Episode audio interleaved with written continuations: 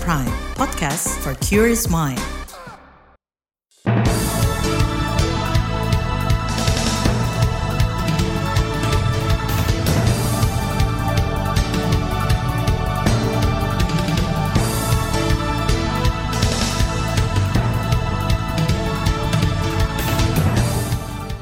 Selamat pagi saudara, senang sekali kami bisa menjumpai Anda melalui program Buletin Pagi edisi Selasa 21 Maret 2023 bersama saya Naomi Liandra. Sejumlah informasi pilihan telah kami siapkan di antaranya. Terbukti ubah frasa putusan MK Guntur Hamzah mestinya dicopot. Mahfud pastikan transaksi 300 triliun rupiah akan diusut. Jokowi perintahkan TNI Polri kawal kebijakan di Papua. Inilah Buletin Pagi selengkapnya terbaru di Buletin Pagi. Saudara Majelis Kehormatan Mahkamah Konstitusi MK menjatuhkan sanksi teguran tertulis terhadap Hakim Konstitusi Guntur Hamzah. Guntur terbukti mengubah frasa pada putusan terkait uji materi Undang-Undang MK yang mempermasalahkan pemberhentian Hakim Aswanto. Frasa itu berubah dari dengan demikian saat diucapkan menjadi ke depan dalam salinan risalah putusan. Berikut pernyataan Ketua MKMK I Dewa Gede Palguna saat sidang pembacaan putusan dugaan pelanggaran kode etik kemarin. Menyatakan hakim terduga terbukti melakukan pelanggaran terhadap kode etik dan perilaku hakim konstitusi sebagaimana tertuang dalam Sabta Karsa Utama dalam hal ini bagian penerapan prinsip integritas. Dua, menjatuhkan sanksi teguran tertulis kepada hakim terduga Ketua MKMK I Dewa Gede Palguna mengatakan perubahan frasa itu menyebabkan hilangnya keselarasan pertimbangan hukum putusan. Menurut Palguna, perbuatan Guntur bisa mengurangi kepercayaan masyarakat terhadap MK. Dalam putusan kemarin, MK-MK menilai kasus ini tidak lepas dari pemberhentian Hakim Aswanto secara sepihak oleh DPR. Menurut MKMK, pemberhentian itu diduga kuat melalui prosedur atau tata cara yang bertentangan dengan undang-undang, sehingga diragukan konstitusionalitasnya. Saudara, pembacaan putusan pelanggaran etik Guntur Hamzah digelar sesaat setelah MK mengambil sumpah ketua dan wakil ketua terpilih masa jabatan 2023-2028. Anwar Usman yang kembali terpilih menjadi ketua MK mengatakan lembaganya memang terus mendapat ujian dan tantangan. Independensi kami sebagai hakim konstitusi akan tetap kami jaga dan rawat apa pun tantangan atau rintangannya. Saya pribadi tetap berpegang teguh kepada risalah Rasulullah Sallallahu Alaihi Wasallam yang menyatakan jika seandainya anakku Fatimah mencuri maka aku sendiri yang akan memotong tangannya. Hikmah yang dapat dipetik dari ungkapan Rasulullah tersebut adalah bahwa penegakan hukum dan keadilan tidak boleh terhalang oleh adanya hubungan kekerabatan atau kekeluargaan. Ketua MK Anwar Usman mengatakan putusan pengadilan tidak mungkin memuaskan semua pihak. Dia menekankan semua putusan hakim MK akan dipertanggungjawabkan kepada Tuhan. Sementara itu putusan MK terhadap MKMK terhadap Guntur Hamzah dinilai tidak memenuhi rasa keadilan. Hal itu diungkapkan Ziko Leonard Jagardo, pelapor perubahan frasa putusan MK. Ziko mengatakan Guntur seharusnya dicopot dari hakim konstitusi. Sanksi teguran tertulis tidak memberikan efek jerah, sehingga kejadian serupa berpotensi terulang kembali.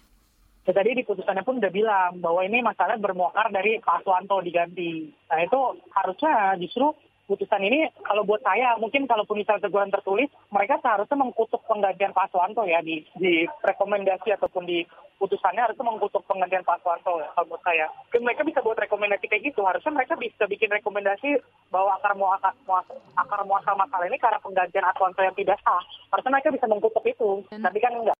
Ziko Leonard Jakardo yang juga pemohon uji materi Undang-Undang MK mengatakan bakal membawa kasus ini ke ranah pidana pekan ini. Sebelumnya Ziko tak bisa membawa kasus ini ke polisi karena Presiden Jokowi tidak memberi izin pemeriksaan terhadap Hakim MK dengan alasan tengah diperiksa MK-MK. Ziko berharap polisi dapat memberikan rasa keadilan dengan mempidanakan Guntur. Di tempat lain, pakar hukum tata negara dari Universitas Andalas, Ferry Amsari berpandangan Guntur Hamzah semestinya diberhentikan dari hakim konstitusi, sebab Guntur diputus melanggar prinsip integritas, padahal prinsip itu merupakan syarat menjadi hakim MK, sebagaimana diatur dalam undang-undang. Pertanyaan besarnya, jika dia melanggar integritas, bukankah syarat untuk menjadi hakimnya sudah uh, tidak dimiliki lagi? Dan kalau seseorang itu sudah tidak memenuhi syarat, tentu dia harus diberhentikan. Nah ini kontradiksi dari apa yang coba dibuktikan di uh, sidang MKMK. Pakar Hukum Tata Negara Ferry Amsari menilai sidang MKMK juga penuh kejanggalan. Menurutnya ada beberapa hakim lain dan panitera yang terlibat justru tidak dikenai sanksi. Dia menduga faktor kedekatan dengan para hakim turut mempengaruhi putusan yang dijatuhkan MKMK. Saudara Menko Polhukam Mahfud MD memastikan transaksi 300 triliun rupiah di Kementerian Keuangan akan diusut. Tetaplah di Buletin Pagi KBR. You're listening to KBR Pride, podcast for curious mind. Enjoy!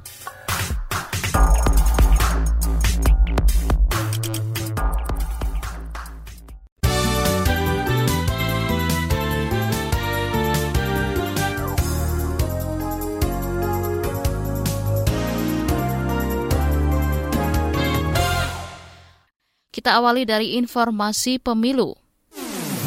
Kabar pemilu. Kabar pemilu. Presiden Joko Widodo mengaku memberi masukan kandidat calon presiden saat bertemu Ketua Umum PDI Perjuangan Megawati. Pertemuan itu berlangsung di Istana Merdeka Jakarta akhir pekan kemarin. Ya pasti ada, itu kira-kira. Itu kira-kira itu mengenai 2024. Ya pasti ada dong. Yang jelas saya memberikan pandangan-pandangan dari angka-angka yang kita miliki, dari data-data yang kita miliki. Presiden Jokowi tak menyebut rinci nama-nama kandidat yang dibahas dalam pertemuan itu. Kata dia nama-nama tersebut ada di Megawati. Pertemuan juga membahas koalisi hingga persiapan pesta demokrasi lima tahunan itu. Masih terkait pemilu, Komisi Pemilihan Umum KPU difonis melanggar administrasi proses verifikasi Partai Prima. Putusan itu disampaikan Ketua Badan Pengawas Pemilu Rahmat Bagja dalam sidang kemarin. Dilansir dari Antara, Bawaslu memerintahkan KPU melakukan verifikasi administrasi perbaikan terhadap Partai Prima sebagai calon peserta pemilu 2024. Kita ke informasi selanjutnya. Wakil Presiden Maruf Amin merespon tuntutan para kepala desa yang meminta kenaikan anggaran dana desa menjadi 10 persen dari APBN. Wapres mengatakan pemerintah sebetulnya sudah menyalurkan anggaran dana desa yang besar sejak 2015 atau sejak Undang-Undang Desa berlaku. Ternyata kalau menurut hitung-hitungannya itu lebih dari 400 triliun. Jadi sebenarnya lebih dari 10 persen itu kalau dihitung-hitung itu. So, kalau dihitung secara keseluruhan besar sekali, begitu ya Pak Menteri. Jadi sebenarnya memang kalau yang ke kementerian itu 70 triliun, 70 triliun. Tapi dari kementerian lain yang juga fokusnya di desa itu lebih dari 400 triliun. Sebelumnya, Asosiasi Pemerintah Desa Seluruh Indonesia APDESI meminta pemerintah menaikkan alokasi dana desa menjadi 10 persen dari APBN. Mereka mengklaim kenaikan dana desa bertujuan agar pembangunan terus berkembang secara merata. Beralih ke informasi hukum, transaksi mencurigakan sebesar 300 triliun rupiah di Kementerian Keuangan yang diduga pencucian uang akan ditindaklanjuti dan diselesaikan. Kepastian itu disampaikan Menteri Koordinator Politik Hukum dan Keamanan Menko Polhukam Mahfud MD usai bertemu Menteri Keuangan Sri Mulyani dan Pusat Pelaporan dan Analisis Transaksi Keuangan PPATK kemarin. Mahfud mengatakan tindak pidana pencucian uang kerap terungkap atas hasil kerja intelijen keuangan. Kementerian Keuangan akan melanjutkan untuk menyelesaikan semua LHA. LHA itu laporan hasil analisis yang diduga sebagai tindak pidana pencucian uang dari PPATK, baik yang menyangkut pegawai di lingkungan Kementerian Keuangan maupun pihak lain. Menko Polhukam Mahfud MD memastikan kasus ini akan diproses pidana jika ditemukan alat bukti oleh penyidik asal dari Kementerian Keuangan. Masih soal hukum, Komisi Pemberantasan Korupsi KPK mendalami laporan dugaan gratifikasi Wakil Menteri Hukum dan HAM Wamenkumham Edi Hiarich. Ia diduga menerima gratifikasi senilai 7 miliar rupiah terkait konsultasi dan bantuan pengesahan badan hukum suatu perusahaan. Wakil Ketua KPK Nurul Gufron mengatakan lembaganya akan memanggil pihak-pihak untuk dimintai keterangan. Sekali lagi, KPK saat ini telah menindaklanjuti apa yang menjadi ramai di publik karena itu kami kemudian tidak lanjuti. Hasilnya sekali lagi karena ini masih proses pencegahan ya, kami masih e, belum mendapatkan laporan dari teman-teman kreatif. Mohon bersabar nanti di setelah kami mendapatkan kejelasan karena tentu yang kami tidak lanjuti tidak hanya sepihak ya. Kemarin, Wamenkumham Edi Hierich mendatangi Gedung Merah Putih KPK. Edi datang untuk mengklarifikasi dugaan gratifikasi senilai 7 miliar rupiah yang dia terima lewat asisten pribadinya bernama Yogi Ari Rukmana dari PT Citra Lampia Mandiri. Dugaan tersebut sebelumnya dilaporkan Ketua Indonesia Police Watch, Sugeng Teguh Santoso. Kita ke informasi lain. Rapat di DPR membahas kenaikan harga pangan, pupuk subsidi dan panen raya ditunda lantaran sejumlah pihak dari Kementerian Pertanian tidak hadir. Dalam rapat kemarin, Menteri Pertanian Syahrul Yasin Limpo izin absen lantaran mendampingi Presiden Jokowi kunjungan ke daerah. Selain itu, pejabat eselon 1 Kementan juga ikut mangkir. Hal tersebut membuat Ketua Komisi Pertanian DPR Sudin marah. Ini amat saya sayangkan Kenapa amat saya sayangkan? Karena kita ini membahas yang pertama adalah menjelang hari besar ke keagamaan. Pertama meningkatnya harga cabai bawang. Yang kedua carut marutnya pupuk sampai presiden bicara ke mana-mana. Yang ketiga panen yang katanya panen serentak sekian juta hektar. Tapi yang bersangkutan tidak hadir. Ini loh yang amat saya sayangkan. Saudara, adanya kenaikan harga pangan jelang Ramadan dibenarkan oleh Ikatan Pedagang Pasar Indonesia. Harga komoditas pangan yang tercatat naik adalah cabai, bawang merah, bawang putih, dan telur. Beralih ke berita mancanegara, Presiden China Xi Jinping bertemu dengan Presiden Rusia Vladimir Putin di Istana Kepresidenan Kremlin Senin sore waktu setempat. Xi Jinping sebelumnya tiba di Rusia menggunakan pesawat khusus. Dilansir dari CNN, Xi mengatakan kepada Putin bahwa Rusia dan China memiliki tujuan yang sama. Dia memastikan kedua negara bisa berkolaborasi untuk mewujudkan tujuan itu. Dalam pertemuan tersebut, Xi juga mendukung Putin agar terpilih kembali menjadi presiden Rusia. Hubungan Xi dan Putin makin erat sejak Rusia melancarkan invasi ke Ukraina pada Februari tahun lalu. Israel dan Palestina berjanji membatasi kekerasan dan provokasi. Kesepakatan itu terungkap dalam pertemuan keamanan di Mesir akhir pekan lalu. Dilansir dari antara kedua negara yang menyatakan perlunya menurunkan ketegangan di lapangan dan juga mencegah kekerasan lebih banyak. Selain itu, Palestina Israel juga disebut sepakat menyelesaikan masalah melalui dialog langsung. Kedua negara menegaskan komitmennya untuk mengakhiri tindakan sepihak dalam jangka 3 hingga 6 bulan. Beralih ke berita olahraga. Pelatih Sinteyong meminta klub-klub Liga 1 melepas pemain yang dipanggil untuk memperkuat timnas Indonesia U20. Menurut Tayong, dia harus segera mempersiapkan skuad untuk berlaga di Piala Dunia U20. Dia mengatakan para pemain perlu melakukan pemusatan latihan. Dia juga meminta Direktur Teknik PSSI Indra Syafri untuk berkoordinasi dengan klub-klub Liga 1. Piala Dunia U20 2023 akan digelar mulai 21 Mei hingga 11 Juni. Di bagian berikutnya kami hadirkan laporan khas KBR tentang inkubator bisnis Permata Bunda, fasilitasi difabel mandiri berkarya bagian 2. Tetaplah di Buletin Pagi KBR. You're listening to KBR Pride, podcast for curious mind. Enjoy!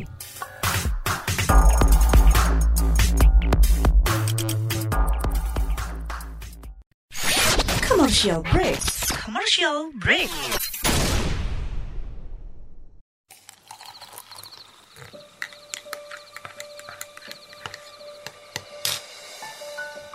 Hai, kamu apa kabar? Masih suka menikmati senja dan kopi? Aku masih ingat kebiasaan kita. Sehabis pulang kerja, selalu mencari tempat untuk sekedar ngobrol dan ngopi. Tapi kadang kita kehabisan bahan obrolan. Aku masih melakukan hal yang sama sampai sekarang tanpa harus takut habis bahan buat ngobrol karena aku selalu mendengarkan KBR sore dari Senin sampai Jumat jam 4 sore. Ah, aku rindu. KBR Inspiratif Terpercaya.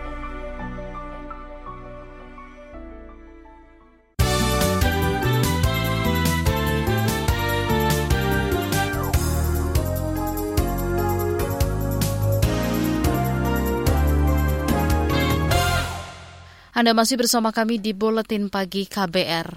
Kesetaraan masih menjadi cita-cita yang diperjuangkan penyandang disabilitas. Salah satu celah yang masih menganga adalah kesetaraan dalam ekonomi. Memfasilitasi pendidikan tak lagi cukup jika mereka akhirnya menganggur karena pasar enggan membuka peluang. Di Bontang, Kalimantan Timur, problem besar inilah yang coba dicarikan solusi oleh Anggi Gunadi dengan mendirikan inkubator bisnis Permata Bunda. Kegigihannya diapresiasi dengan berbagai penghargaan termasuk Marif Award 2022. Seperti apa perjuangannya, simak laporan khas KBR yang dibacakan Astri Yuwanasari. Problem sekompleks ini nggak bisa diselesaikan cuma pakai niat gede. Nggak boleh egois juga nyelesainnya satu orang cukup gitu. Dari situ pembelajaran paling besarnya ya kolaborasi yang paling utama. Itu adalah pelajaran berharga yang didapat Anggi Gunadi saat inkubator bisnis Permata Bunda diterpa krisis pada 2016 silam. Orderan seret karena daya beli warga Bontang, Kalimantan Timur tergerus, imbas anjloknya harga komoditas tambang. Anggi dipaksa berhenti dan introspeksi diri. Ya akhirnya banyak hal-hal yang menurut saya sih saat itu saya salah ambil keputusan. Bisnisnya kelihatan besar tapi keropos utang sana sini segala macam dan itu bikin bisnisnya nggak nggak apa nggak sustain gitu. Anggi kemudian berbenah, membuka diri untuk kolaborasi. Salah satunya dengan BUMN lewat program kewirausahaan berkelanjutan untuk penyandang disabilitas. Programnya terdiri dari empat tahap, yakni pelatihan, pemagangan, penempatan kerja, dan pendampingan wirausaha. Goalsnya kita tetapin teman-teman difabel ini ke depannya harus jadi pengusaha difabel yang mandiri, berdaya, dan turut memberdayakan lingkungannya. Saban tahun, Inbis merekrut 24 difabel untuk dibina sebagai peserta program. Ada yang dari luar Kalimantan. Fase penempatan kerja menjadi yang terlama karena bisa berlangsung lima tahun. Peserta tidak dipungut biaya, bahkan digaji ketika sudah di fase ini mereka juga punya tabungan. Tabungan dari gaji mereka langsung sisipkan buat siap-siap untuk modal usaha. Nanti pada saat sudah mentas, sudah dalam tanda kutip lulus nih ya, siap punya usaha, diinisiasikannya, tabungan dari mereka itu dijadikan salah satu komponen modal. Selebihnya memang porsi paling besar tetap dari Indis. Struktur usaha pun dirapikan. Belasan lini bisnis kemudian dimerger menjadi empat klaster besar, yakni merchandise, kuliner, kreatif, dan event. Ada peserta yang bahkan sudah siap untuk berwirausaha sendiri dengan membuka bengkel di rumah. Namun, tak sampai sebulan bisnisnya tutup. Problemnya bukan di difabel, tetapi keluarganya. Bukan karena nggak ada pelanggan atau bukan karena dia nggak bisa jalanin, tapi ternyata lingkungannya dia yang nggak support. Jadi usaha apa tempat usahanya itu keburu habis duluan asetnya keburu habis. Jadi ada temennya, ada saudaranya datang ngambil alat, dijual. Habis yang bisa diselamatin terakhir itu tinggal kompresor doang gitu sama ada satu toolbox. Ada juga difabel yang gajinya sering diminta keluarganya. Penerimaan lingkungan sekitar memang jadi pekerjaan rumah. Tak jarang, Anggi ikut turun tangan mengedukasi keluarga anak binaannya. Beruntung, Inbis Permata Bunda mampu eksis melewati berbagai tantangan ini. Kalau bahasa-bahasa kita dulu bercandaannya sama teman-teman Fasil, kalau dulu Inbis itu dianggap sebagai usaha pribadi yang mempekerjakan teman-teman difabel, lambat laun itu akan berubah. Jadi, ini adalah usaha teman-teman difabel yang mereka merekrut kami, teman-teman yang katanya normal ini, untuk hal-hal yang mereka nggak nggak sempat aja jalanin gitu. Inbis mampu bertahan dan berkembang karena dikelola profesional Anggi ogah gembar-gembor tentang bisnis difabel. Ia ingin produk-produk Inbis diserap pasar, bukan karena faktor IBA. Kami tuh pengen Rizky dan teman-teman yang lain dikenal karena mereka bisa ngelakuin apa, mereka punya karya apa. Jadi orang-orang di sini, sekitaran sini, taunya itu Rizky si jago sablon tuh. Itu tuh kalau nyablon tempat Rizky itu jago tuh. Setelah itu ada kata-kata berikutnya, itu hak mereka. Oh, tapi dia tunarungu. Ya nggak apa-apa, silakan aja. Tapi Rizky dikenal akan, akan perannya gitu. Anggi berharap Inbis bisa direplikasi ke banyak daerah. Menurutnya, mengadvokasi kesetaraan bagi difabel butuh nafas panjang dan komitmen. Kalau bicaranya 9 tahun, kesannya memang kayak good to be true gitu. Ini ini beneran nggak sih? Kayak kayaknya kok terlalu ini ya, terlalu wah. Tapi kalau teman-teman tahu prosesnya, itu tidak se selebar senyum saya hari ini gitu. Sakit-sakitnya juga banyak. Kita hampir putus asa juga sering gitu. Anggi tak pernah sanksi dengan kemampuan difabel untuk mandiri berkarya daya adaptif mereka tinggi asal diberikan kesempatan. Semua orang punya cara berbeda untuk berkarya, maka hargai cara berbedanya. Tagline kita yang paling besar adalah bersatu dalam karya, berkarya dalam beda. Kalau kita sudah yakin setiap orang punya cara berbeda untuk berkarya, maka harusnya diskriminasi, perlakuan yang tidak adil, itu harusnya bisa hilang. Kesetaraan, inklusivitas itu pasti bukan lagi ilusi doang gitu, bukan cuma deklarasi. Demikian laporan khas KBR, saya Astri Yuwanasari. Informasi dari berbagai daerah akan hadir usai jeda, tetaplah bersama Buletin Pagi KBR. You're listening to KBR Pride, podcast for curious mind. Enjoy!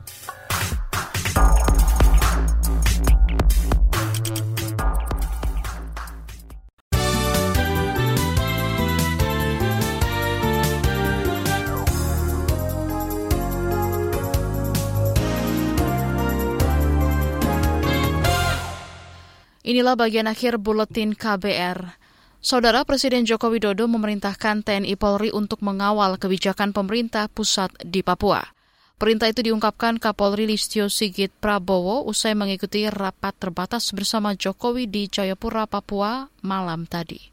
Intinya beliau memerintahkan pada kita untuk bekerja secara lebih terintegrasi antara program-program pusat dengan program-program daerah sehingga TNI Polri betul-betul bisa mengawal seluruh kebijakan di dalam rangka meningkatkan kesejahteraan wilayah Papua baik dari sisi pembangunan maupun dari sisi pemekaran semuanya bisa berjalan dengan baik. Kapolri Listio Sigit Prabowo mengatakan Jokowi juga menanyakan mengenai langkah-langkah yang telah dilakukan di Papua. Rapat terbatas itu dihadiri oleh Menteri Pertahanan Prabowo Subianto, Kepala Kantor Staf Presiden KSP Muldoko, Panglima TNI Yudo Margono, Kepala Badan Intelijen Negara BIN Budi Gunawan, dan sejumlah pangdam serta Kapolda. Rapat itu digelar sebelum Jokowi melakukan kunjungan kerja ke sejumlah daerah di Papua hari ini. Dilansir dari Antara, pejabat Bupati Jayapura Tiwerno Purnomo mengatakan, Jokowi akan meresmikan gedung Papua Youth Creative sebagai pusat pengembangan ekonomi kreatif pemuda Papua. Selain itu, Jokowi juga bakal meninjau lokasi pengembangan ekonomi pemuda-pemudi Papua yang dibina langsung Badan Intelijen Negara BIN.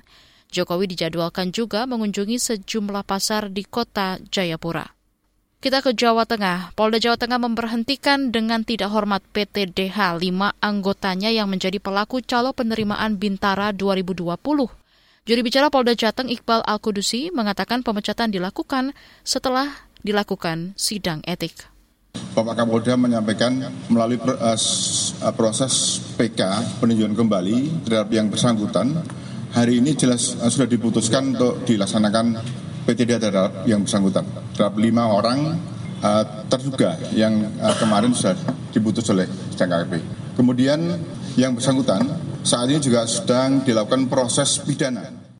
Juri bicara Polda Jateng Iqbal Al-Kudusi mengklaim polisi telah mengumpulkan bukti terkait dugaan korupsi yang melibatkan anggotanya. Kelima polisi itu meliputi dua orang berpangkat kompol, satu orang berpangkat AKP, dan dua lainnya berpangkat brigadir. Sebelumnya, Kapolri Listio Sigit Prabowo memerintahkan agar lima polisi calo penerimaan Bintara dipecat dan diproses pidana. Kata Kapolri, sanksi tegas akan memberikan efek jera. Lima polisi yang terlibat percaloan sebelumnya hanya disangsi mutasi dan demosi selama dua tahun. Informasi tadi menutup jumpa kita di Buletin Pagi hari ini. Pantau terbaru informasi melalui kabar baru, situs kbr.id, Twitter at Berita KBR dan juga podcast di kbrprime.id. Saya Naomi Liandra bersama tim yang bertugas undur diri. Salam.